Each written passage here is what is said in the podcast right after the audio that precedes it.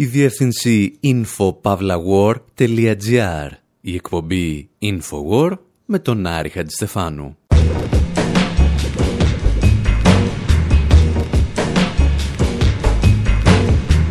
όπου σήμερα αποφασίσαμε να θάψουμε τους εμποράκους που είχαν τα καταστήματά τους σε κάποιο μόλ των Ηνωμένων Πολιτειών. Παρακολουθούμε το μισό αιώνα της ζωής τους και αφήνουμε τους Blues Brothers να τα κάνουν όλα γης μαδιά. Υποπτευόμαστε ότι ένα μόλ δεν είναι η συνέχεια της αρχαίας αθηναϊκής αγοράς όσο και αν θέλουν να το πιστεύουν οι φιλελεύθεροι αναλυτές και δήμαρχοι αυτού του κόσμου. Συζητάμε για μόλ που έγιναν οδοντιατρία, λογιστήρια και αποθήκες και αποχαιρετούμε το απόλυτο σύμβολο του αμερικανικού καταναλωτισμού. Και ύστερα συζητάμε για έναν άνθρωπο που θα γιόρταζε τα 80 του γενέθλια αλλά προτίμησε να αυτοκτονήσει. Μάλλον. Αναρωτιόμαστε τι θα συμβεί αν πετάξει σε μία αίθουσα χρηματιστηρίου μερικά χαρτονομίσματα. Αν δηλαδή οι παρευρισκόμενοι θα αντιδράσουν σαν να πετάς καλαμπόκι σε περιστέρια ή λάσπη σε γουρούνια. Συζητάμε δηλαδή για τον Άμπι Χόφμαν.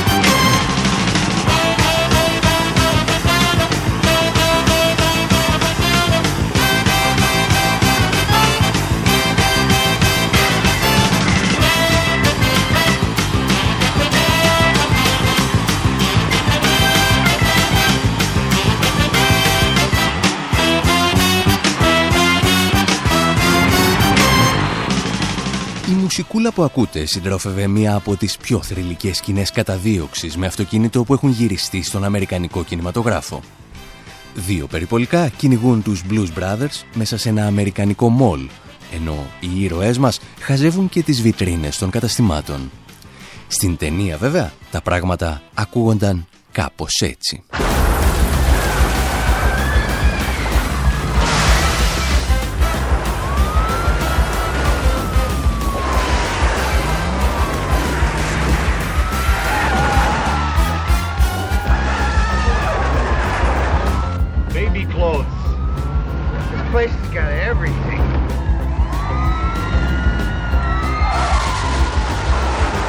Ταινία The Blues Brothers, ατυχώς μεταφρασμένη σαν «Οι ατσίδες με τα μπλε», κυκλοφορεί το 1980. Είναι η στιγμή που τα αμερικανικά μολ έχουν φτάσει στο απόγειο της δόξας τους. Η στιγμή δηλαδή που ξεκινά και η παρακμή τους. Και ένα αυτοκίνητο που διαλύει τα πάντα στο πέρασμά του μέσα σε ένα μολ είναι ίσως ο πιο επιτυχημένος συμβολισμός που θα μπορούσε να κάνει κανείς. Γιατί τα μολ γεννήθηκαν, λένε ορισμένοι, χάρη στο αυτοκίνητο για αυτή την ιστορία όμως θα χρειαστούμε πρώτα το ρεπορτάζ του Τσακ Μπέρι.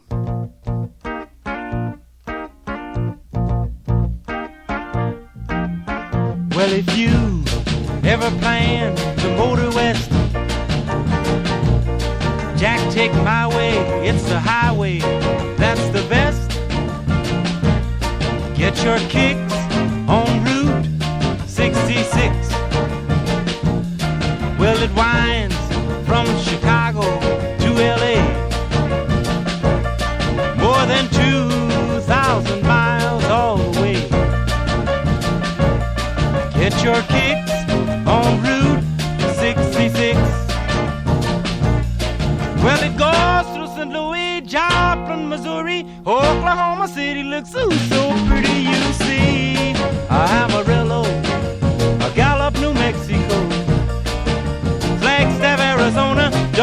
Don't Winona, Kingsman, Barstow, San Bernardino. Won't you get hip to this kindly tip and take that California trip? Get your kicks on Route 66.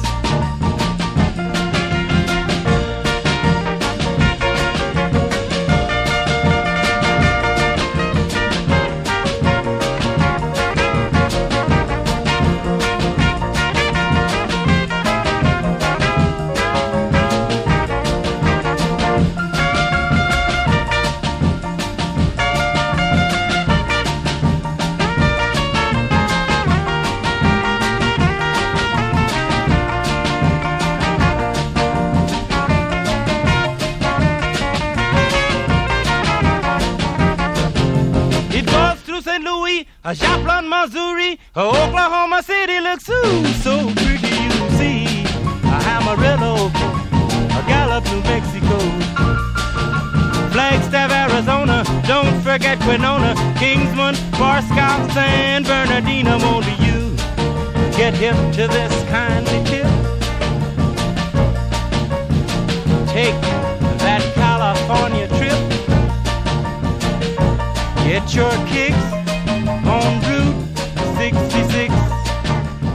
Ο Τσακ Μπέρι ταξιδεύει στον διαπολιτιακό αυτοκινητόδρομο 66. Ταξιδεύει στο ασφαλτοστρωμένο αμερικανικό όνειρο. Ταξιδεύει στη φιλελεύθερη ιδεολογία που στήριξε την εκρηκτική μεταπολεμική ανάπτυξη.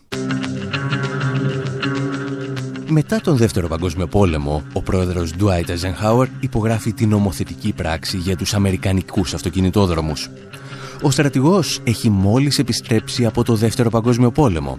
Στην Ευρώπη έχει θαυμάσει τα γερμανικά Autobahn, αυτοκινητόδρομους που σου επιτρέπουν να διασχίσεις τη χώρα χωρίς καμία στάση σε ενδιάμεσες πόλεις. Αυτοκινητόδρομους που παρεπιπτόντος θα χρησιμεύαν και για τη μετακίνηση στρατευμάτων σε περίπτωση επιστράτευσης. Οι νικητές του Δευτέρου Παγκοσμίου Πολέμου βέβαια θα χρησιμοποιήσουν τους αυτοκινητόδρομους όχι για να μετακινούν στρατεύματα, αλλά για να μετακινούν στρατιές καταναλωτών. Χάρη σε αυτούς τους δρόμους μπορούν πλέον να χτιστούν τεράστια εμπορικά κέντρα έξω από τις μεγαλοπόλεις. Και το 1956 δημιουργείται το πρώτο εμπορικό κέντρο στις Ηνωμένες Πολιτείες που θα ονομαστεί Shopping Mall. Οι νέοι ναοί της κατανάλωσης θα γίνουν συστατικό στοιχείο του αμερικανικού τρόπου ζωής και παρεπιπτόντος θα εμπνεύσουν και δεκάδες συγκροτήματα. Όπως εδώ, οι Sparks τραγουδούν για τα μόλ της αγάπης.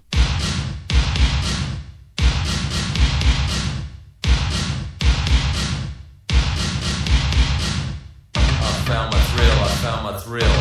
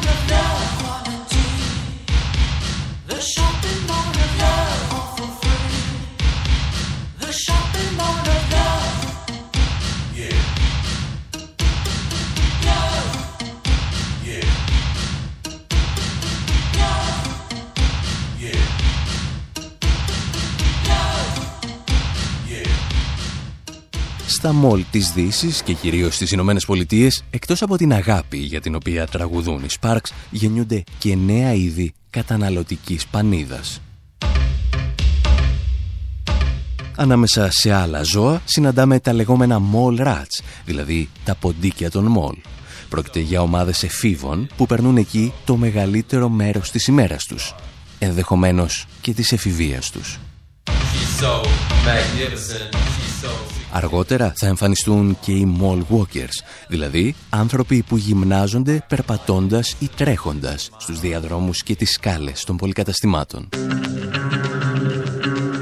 Αυτή ακριβώς η μεταφορά της καθημερινότητας στις μεγάλες εμπορικές αγορές οδηγεί πολλούς φιλελεύθερους στο συμπέρασμα ότι τα μολ αποτελούν και μια μετενσάρκωση της αρχαίας αθηναϊκής αγοράς. Για την ιστορία βέβαια, να θυμίσουμε ότι κάτι τέτοια έλεγε το 2008 και ο Δήμαρχος Αθηναίων, όταν προσπαθούσε να μας πείσει ότι η εξέγερση απειλούσε τα χριστουγεννιάτικα ψώνια. Είμαι πεπισμένος, έλεγε ο Νικήτας Κακλαμάνης, ότι η δημοκρατία και η αγορά γεννήθηκαν μαζί, γιατί είναι έννοιες ταυτόσιμες και αδιαπραγμάτευτες. Όπερ με θερμινευόμενον, δημοκρατία είναι να ψωνίζεις. Τόσο ο κύριος Κακλαμάνης βέβαια, όσο και οι Αμερικανοί δημοσιογράφοι που ταυτίζουν τα μόλ με την αρχαία αθηναϊκή αγορά, δεν φαίνεται να διάβασαν ποτέ τους Αριστοτέλη. Η αγορά των πολιτικών δραστηριοτήτων, έγραφε ο μεγάλος στοχαστής, πρέπει να είναι καθαρή και ελεύθερη από κάθε είδους εμπορεύματα. Η αγορά των προϊόντων πάλι πρέπει να είναι διαφορετική και χωριστή από την αγορά της πολιτικής και να έχει τον δικό της κατάλληλο χώρο. Την πρώτη αγορά, δηλαδή των πολιτικών δραστηριοτήτων, την προορίζουμε για τον ελεύθερο χρόνο και τη δεύτερη για τις ανάγκες της ζωής. Αυτά τα μπερδέματα βέβαια μεταξύ εμπορικών κέντρων και δημοκρατίας γίνονταν στις χρυσές ημέρες των μόλ, γιατί ύστερα τα πράγματα άλλαξαν. Θα τα συζητήσουμε όμως ύστερα από ένα μικρό διαλυματάκι με τους γκομέζ.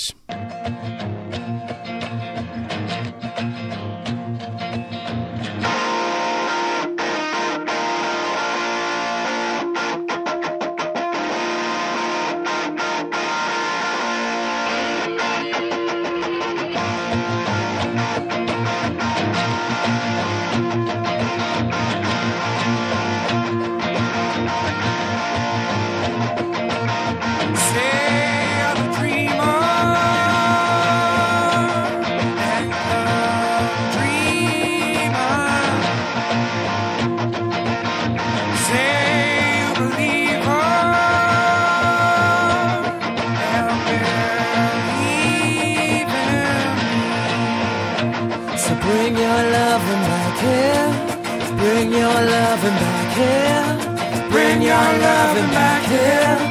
Bring your loving back here.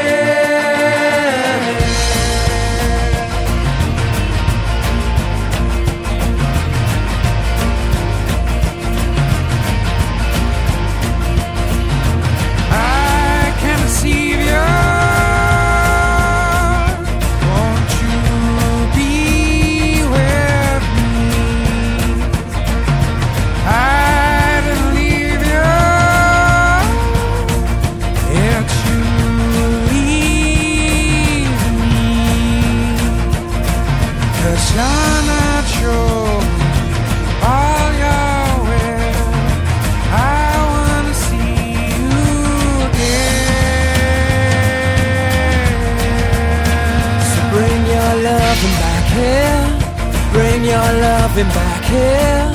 Bring your loving back here. Bring your loving back here. I wanna take you out tonight. Punches will be rolling, blooded will be flowing. I can find you're bound to put one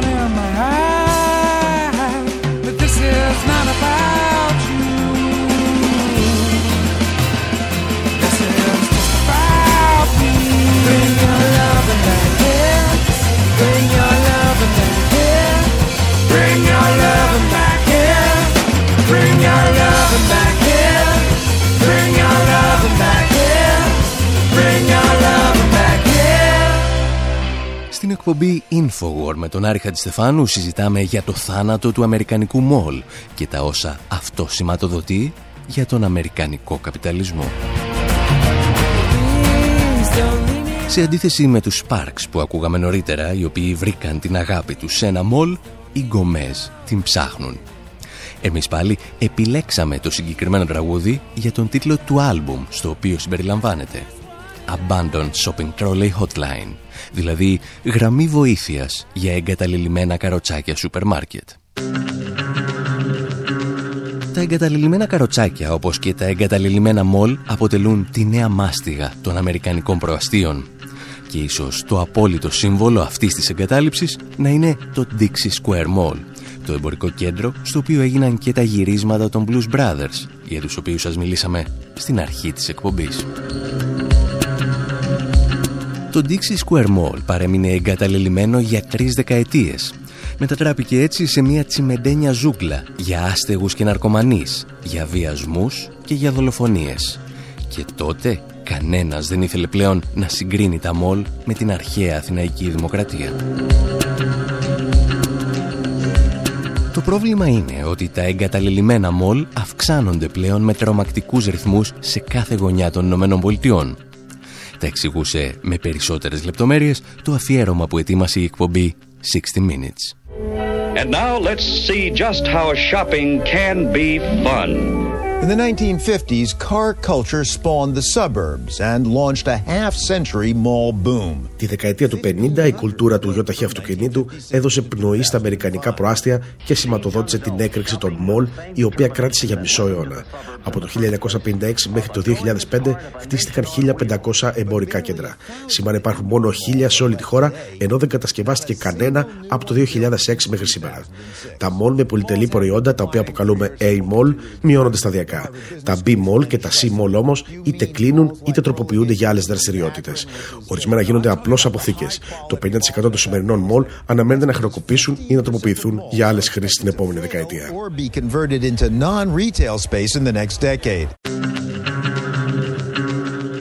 Υπερήφανοι ναοί του καταναλωτισμού λοιπόν, όταν δεν μετατρέπονταν σε ερήπια, γίνονταν αποθήκες ή φιλοξενούσαν γραφεία λογιστών, δικηγόρων ή ακόμη και οδοντιάτρων.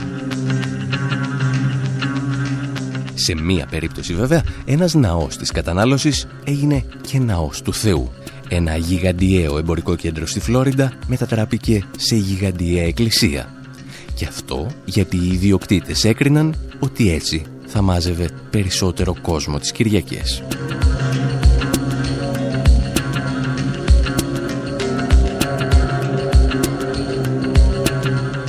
Η απάντηση που συνήθως δίνεται για το θάνατο των μολ είναι ότι οι καταναλωτές στρέφονται πλέον στο ηλεκτρονικό εμπόριο και δεν χρειάζεται να ταξιδεύουν έξω από την πόλη για τις αγορές τους. Το οποίο είναι η αλήθεια, αλλά δεν είναι όλη η αλήθεια. Οι αγορές από το ίντερνετ έχουν φτάσει πράγματι στο 9% του συνολικού λιανικού εμπορίου στις Ηνωμένες Πολιτείες. Όπως ακούσαμε όμως και στο ρεπορτάζ της εκπομπής 60 Minutes νωρίτερα, δεν κλείνουν όλα τα μόλ. Κλείνουν αυτά που απευθύνονταν στα μεσαία στρώματα της αμερικανικής κοινωνίας. Τα υπερπολιτελή εμπορικά κέντρα μπορεί να μην αυξάνονται, αλλά παραμένουν ανοιχτά. Εκεί όμως που ψώνιζε ο μέσος Αμερικανός πολίτης, σήμερα συναντά στην εγκατάλειψη. Γιατί αυτό που φεύγει από τη μόδα δεν είναι τα μόλ, αλλά η μεσαία τάξη των Ηνωμένων Πολιτειών, η οποία συνθλίβεται από την οικονομική κρίση.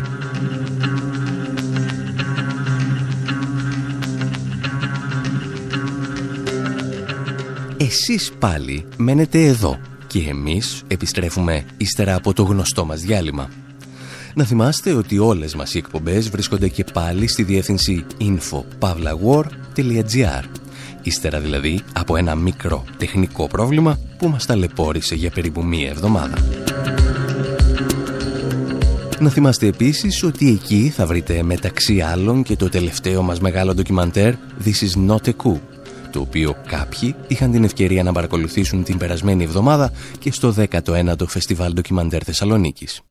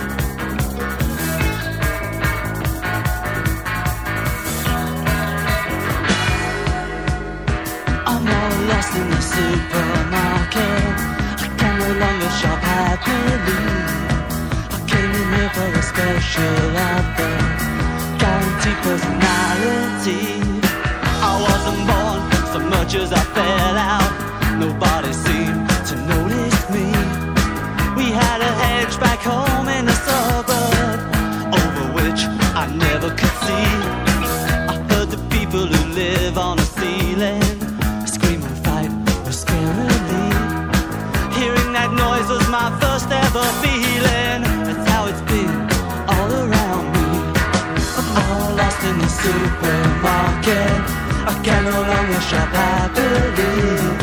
I came in here for a special offer, a guaranteed personality. I'm all tuned in, I see all the programs, I save coupons packets of tea. I've got my giant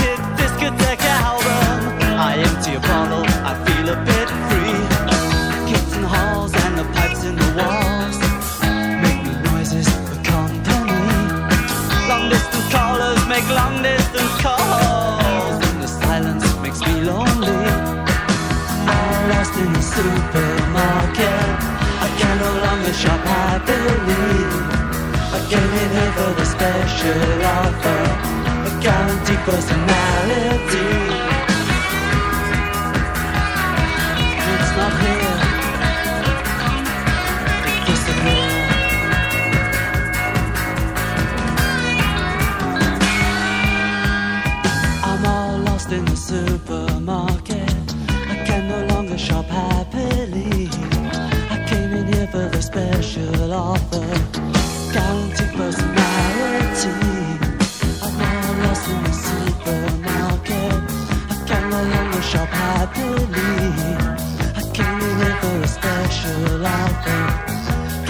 Personality. I'm all lost.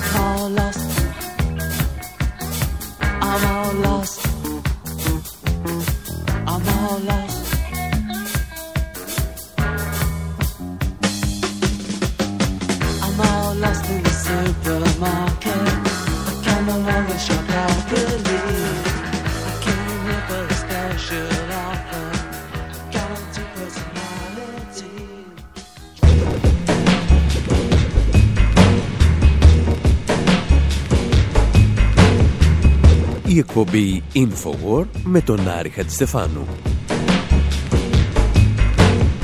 Όπου σήμερα συζητάμε για έναν άνθρωπο που θα γιόρταζε τα 80 του γενέθλια στις 30 Νοεμβρίου του 2016, αλλά προτίμησε να αυτοκτονήσει. Μάλλον. Διηγούμαστε την ιστορία ενός θρηλυκού παιδιού της δεκαετίας του 50 που δεν πρόλαβε τους beatniks, σνόμπαρε τους χίπης για να γίνει γήπης, αλλά στην κηδεία του ήρθαν μόνο κάτι γιάπης. Αναρωτιόμαστε τι θα συμβεί αν πετάξει σε μια αίθουσα χρηματιστηρίου μερικά χαρτονομίσματα του ενός δολαρίου. Αν δηλαδή οι παρευρισκόμενοι θα αντιδράσουν σαν να πετάς καλαμπόκι σε περιστέρια ή λάσπη σε γουρούνια. Συζητάμε σήμερα για τον Άμπι Χόφμαν, ζητώντας γι' αυτό τη βοήθεια του Όλιβερ Στόουν και του Woody Allen.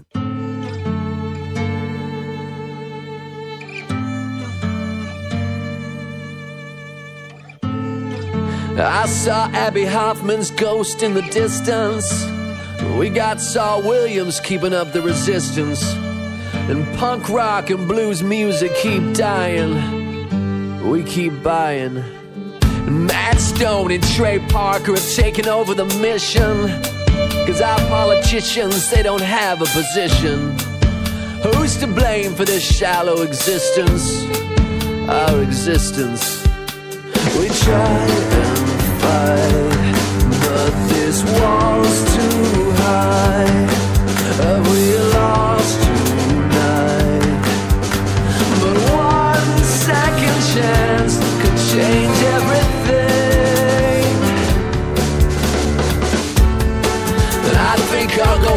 a senator a letter. But they just talk shit, they ain't gonna make nothing better. Me and them, we ain't two birds of a feather, of a feather. And I'm counting on Chomsky, McClellan, Aldous Huxley, and the intelligentsia. But Cat Stevens, he got out and he ain't missing ya. This overpriced and candy-coated life, does it fit ya? Does it fit ya? We try and fight.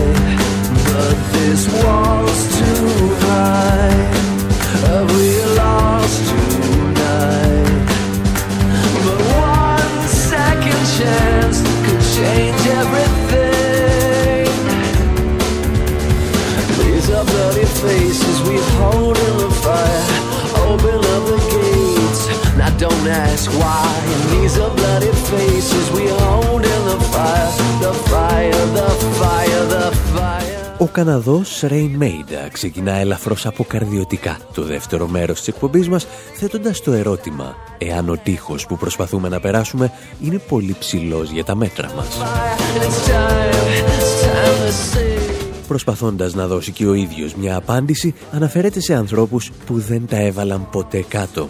Τραγουδά μεταξύ άλλων για τον Νόαμ Τσόμσκι και τον Άλντους Χάξλεϊ. Τραγουδά επίσης για την punk rock και τα blues που συνεχίζουν λέει να πεθαίνουν ενώ εμείς συνεχίζουμε να καταναλώνουμε. Το πρώτο όνομα που αναφέρει όμως είναι αυτό του Άμπι Χόφμαν.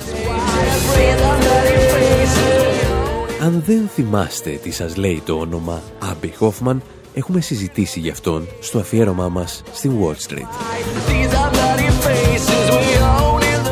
Ο Χόφμαν είχε γίνει γνωστός σε ολόκληρο τον πλανήτη το 1967, όταν είχε την φαϊνή ιδέα να επισκεφθεί το χρηματιστήριο της Νέας Υόρκης. Μας τα εξηγούσε παλαιότερα ο Βρετανός σκηνοθέτης Μάικλ Άντερσον. On August 24th, 1967, 12 young men with long hair and Στις 24 Αυγούστου του 1967, 12 νεαροί με μακριά μαλλιά και καπαρτίνες μπήκαν στο χώρο επισκεπτών του χρηματιστηρίου της Νέας Υόρκης. Επειδή έβρεχε, κανένας δεν έδωσε προσοχή στις καπαρτίνες. Και επειδή ήταν 1967, κανένας δεν έδωσε προσοχή στα μακριά μαλλιά. Μέχρι τη στιγμή που ο Άμπι Χόφμαν και άλλα 11 μέλη τρογίπης έβγαλαν από τις καπαρτίνες σακούλες με χαρτονομίσματα του 1, των 5 και των 10 δολαρίων και τα άδειασαν μέσα στην αίθουσα συναλλαγών. Ήταν η πρώτη φορά στην ιστορία συμπεριλαμβανομένων πολέμων και σεισμών που διακόπηκαν οι συναλλαγές στο χρηματιστήριο. Οι χρηματιστές παράτησαν τις διαπραγματεύσεις που αφορούσαν δισεκατομμύρια δολάρια και πάλευαν ο ένας με τον άλλον για να πιάσουν αυτό το σύννεφο με τα χαρτονομίσματα του 1 και των 10 δολαρίων. Και αυτή ήταν η τελευταία φορά που το χρηματιστήριο της Νέας Υόρκης επέτρεψε επισκέψεις απλών πολιτών.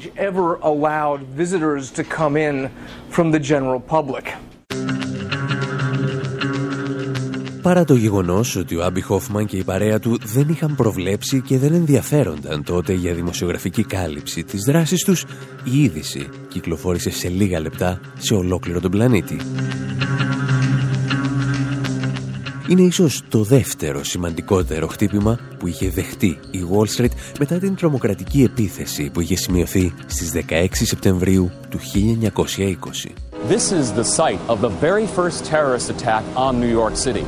The date was September 16, 1920. Σε αυτό το σημείο πραγματοποιήθηκε η πρώτη τρομοκρατική επίθεση στη Νέα Υόρκη. Ήταν 16 Σεπτεμβρίου 1920.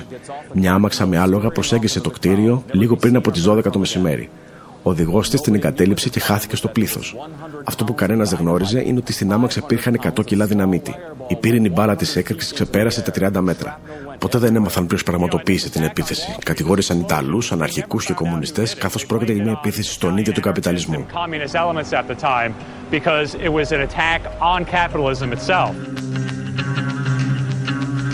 Αρκετοί υποστηρίζουν σήμερα ότι η συμβολική δράση του Άμπι Χόφμαν είχε εξίσου μεγάλο ή και μεγαλύτερο αντίκτυπο από την τρομοκρατική επίθεση του 1920, παρά το γεγονός ότι η τελευταία άφησε πίσω της περίπου 40 νεκρούς.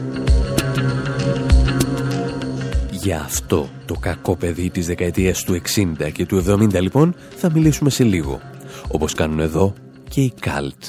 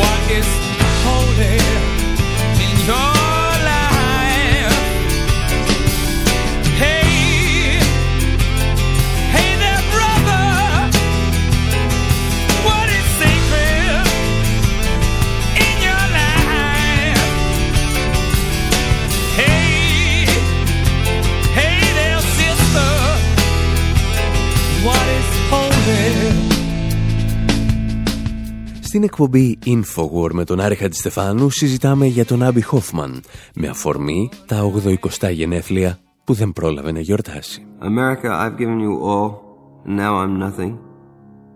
America, $2.27, January 17th, 1956. I can't stand my own mind. America, when will we end the human war? Go fuck yourself with your atom bomb. I don't feel good. Don't bother me. Ο Χόφμαν γεννήθηκε το 1936 και μεγάλωσε σε εκείνες τις δεκαετίες που λέγεται ότι το κίνημα των beatniks είχε πεθάνει χωρίς το κίνημα των hippies να προλάβει να γεννηθεί.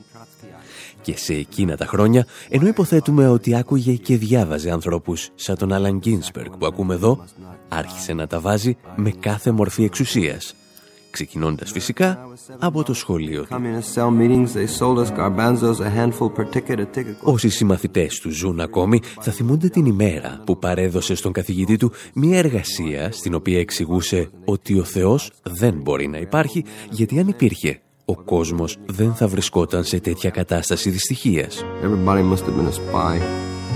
America, Ο καθηγητής του τον αποκάλεσε κομμουνιστή και αλήτη και ο Άμπι Χόφμαν του εξήγησε με μερικές μπουνιές ότι θα πρέπει να μιλάει καλύτερα στους μαθητές του. wants to eat us alive. Russia's power mad. Η προσωπικότητά του πάντως θα διαμορφωθεί στο πανεπιστήμιο όταν γνωρίζει τον καθηγητή Herbert Marcuse και μαζί του τον μαρξισμό.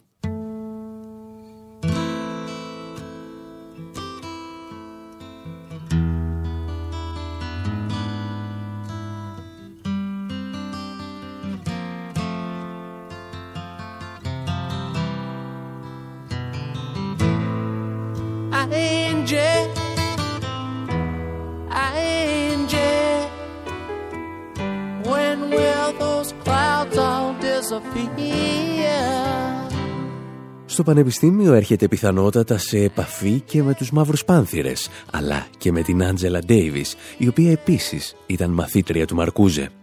Την Άντζελα για την οποία τραγουδούσαν οι Rolling Stones το Angie.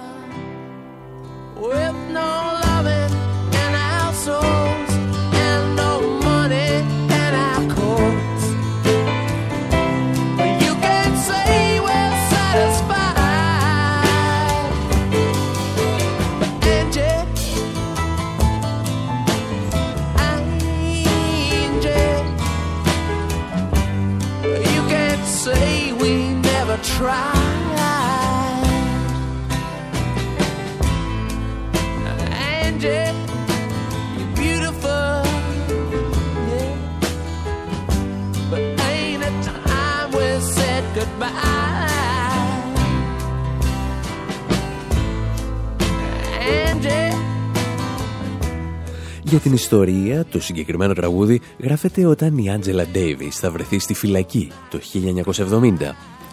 Ο δικός μας ήρωας όμως μπαίνει στη στενή δύο χρόνια νωρίτερα. Τον κατηγορούν για συνωμοσία και πρόκληση ταραχών κατά τη διάρκεια της συνδιάσκεψης των Δημοκρατικών που πραγματοποιήθηκε το 1968 στο Σικάγο. Αυτή την ιστορία όμως καλύτερα να μας την διηγηθεί αρχικά ο Γκράχαμ Νάς.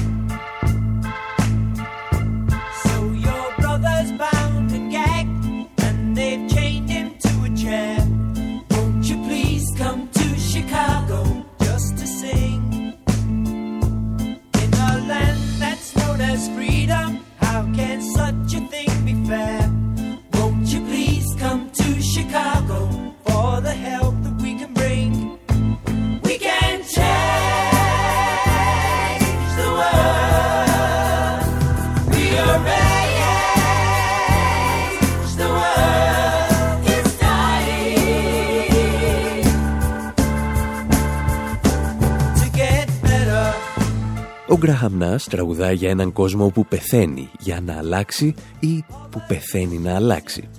Και το τραγούδι του ξεκινά για κάτι αδέρφια μας που βρίσκονται λέει δεμένα και φημωμένα σε μια καρέκλα.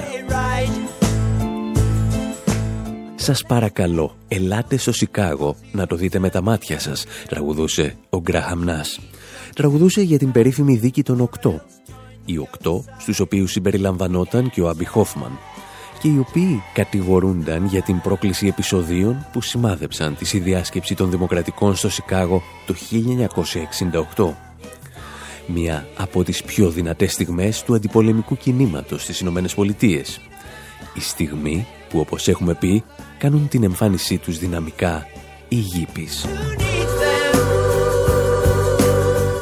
Η λέξη γήπης προέρχεται από τα αρχικά International Youth Party, το Διεθνές Κόμμα Νεολαίας. Πρόκειται για το πλέον πολιτικοποιημένο τμήμα της γενιάς των χίπης, που είχε χαθεί κάπου ανάμεσα σε κάμπους με λουλούδια και παρεστησιογόνες ουσίες.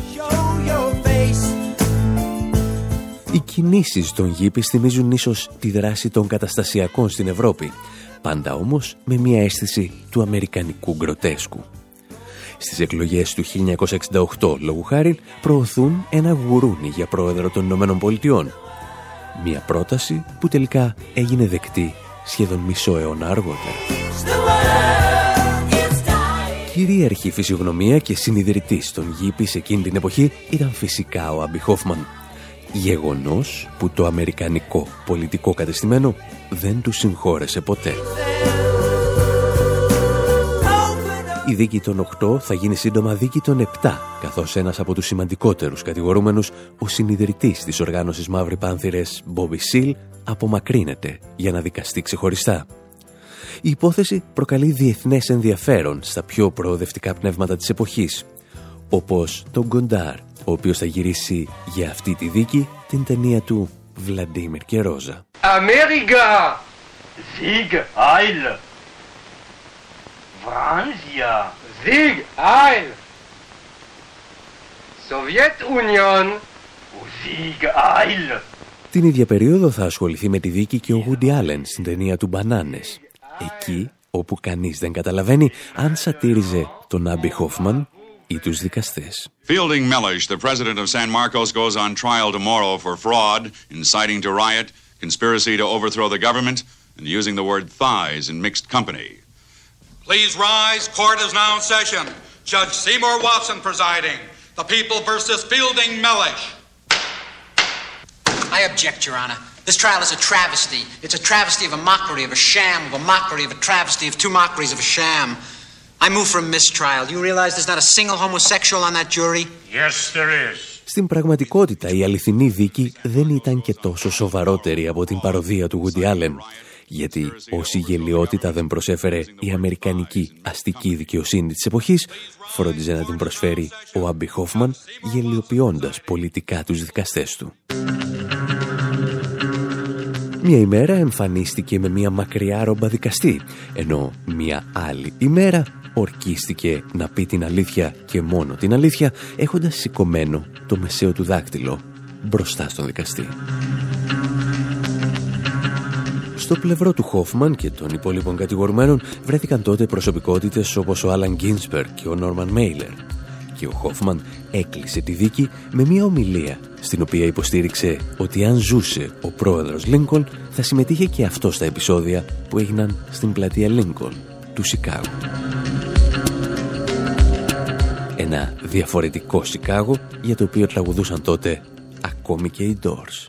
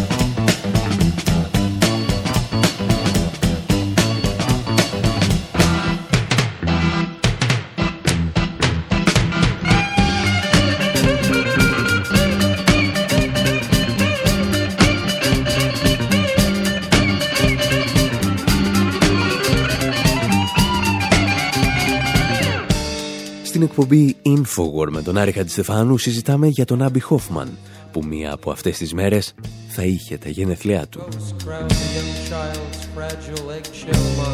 Τον έχουμε αφήσει να μπαινοβγαίνει στις φυλακές για τα επεισόδια του 1968 στο Σικάγο. Ένα χρόνο αργότερα όμως έλαχε να βρεθεί μπροστά του το συγκρότημα Χου στη μεγάλη συναυλία του Woodstock. Εκεί που ετοίμαζαν τις κιθάρες τους πετάχτηκε στη σκηνή για να πει κακές κουβέντες σαν και δάφτες. I think this is a pile of shit while John Sinclair rots in prison.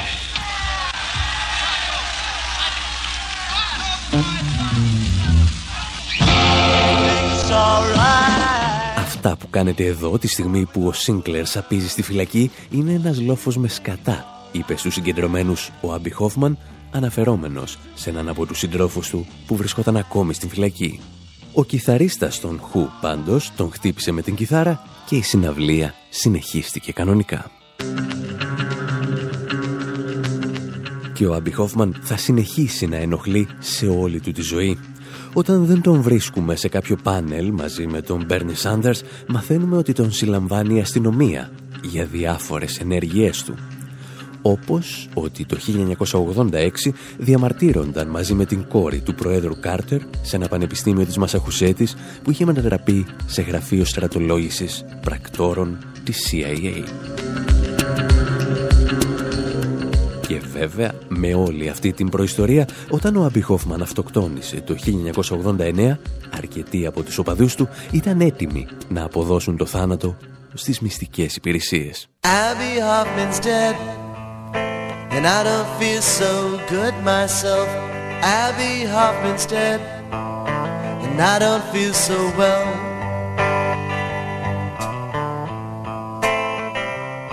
Ο Άμπι Χόφμαν, ό,τι και αν έχει να του προσάψει κανείς, έμεινε πιστός μέχρι την τελευταία ημέρα της ζωής του στις ιδέες του και στην πολιτική τρέλα των γήπης που κουβαλούσε μαζί του. Γεγονός το οποίο τον καθιστά μάλλον εξαίρεση για τη γενιά του. But still you had to listen. Όπως έγραφαν οι New York Times, στα περίπου χίλια άτομα που παρακολούθησαν την κηδεία του, έβλεπες περισσότερες γραβάτες παρά αμπέχωνα και σκισμένα τζίνς. Ήταν η γενιά των γήπης και ανάμεσά τους ορισμένοι συγκατηγορούμενοι του στη δίκη των οκτώ, που σήμερα είναι επιχειρηματίες.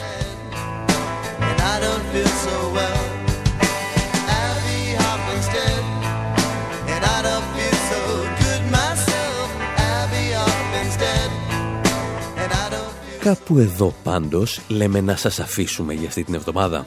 Μας βρίσκεται πάντα στη διεύθυνση info.pavlawar.gr όπου συγκεντρώνουμε όλες μας τις εκπομπές, τα ντοκιμαντέρ και ό,τι γράφουμε κατά καιρούς αριστερά και δεξιά.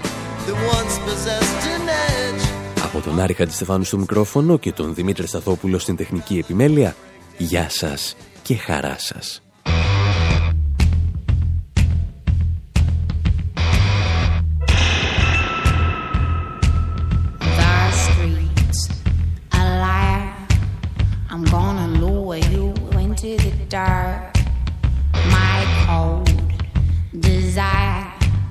To hear the boom, boom, boom of your heart. The danger